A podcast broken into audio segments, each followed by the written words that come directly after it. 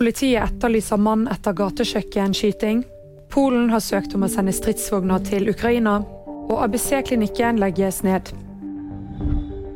Politiet leter fremdeles etter mannen som avfyrte skudd i Nydalen i Oslo mandag kveld. Nå går de ut med bilder av han som de mener har avfyrt skuddene.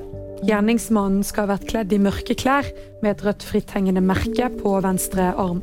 Den fornærmede mannen i 50-årene er avhørt av politiet og ble ikke fysisk skadet.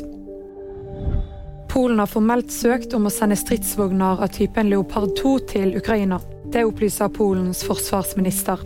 Stridsvognene blir produsert i Tyskland, og det er fortsatt ikke bestemt om stridsvognene kan videreselges til Ukraina. Stridsvogn Leopard 2 kan brukes mer offensivt enn det militære utstyret som Ukraina så langt har fått av vestlige land. Etter 4. mars i år er det ikke lenger mulig å føde på ABC-klinikken ved Oslo universitetssykehus OUS. Det opplyser en tillitsvalgt til Aftenposten. Begrunnelsen er at OUS skal spare penger.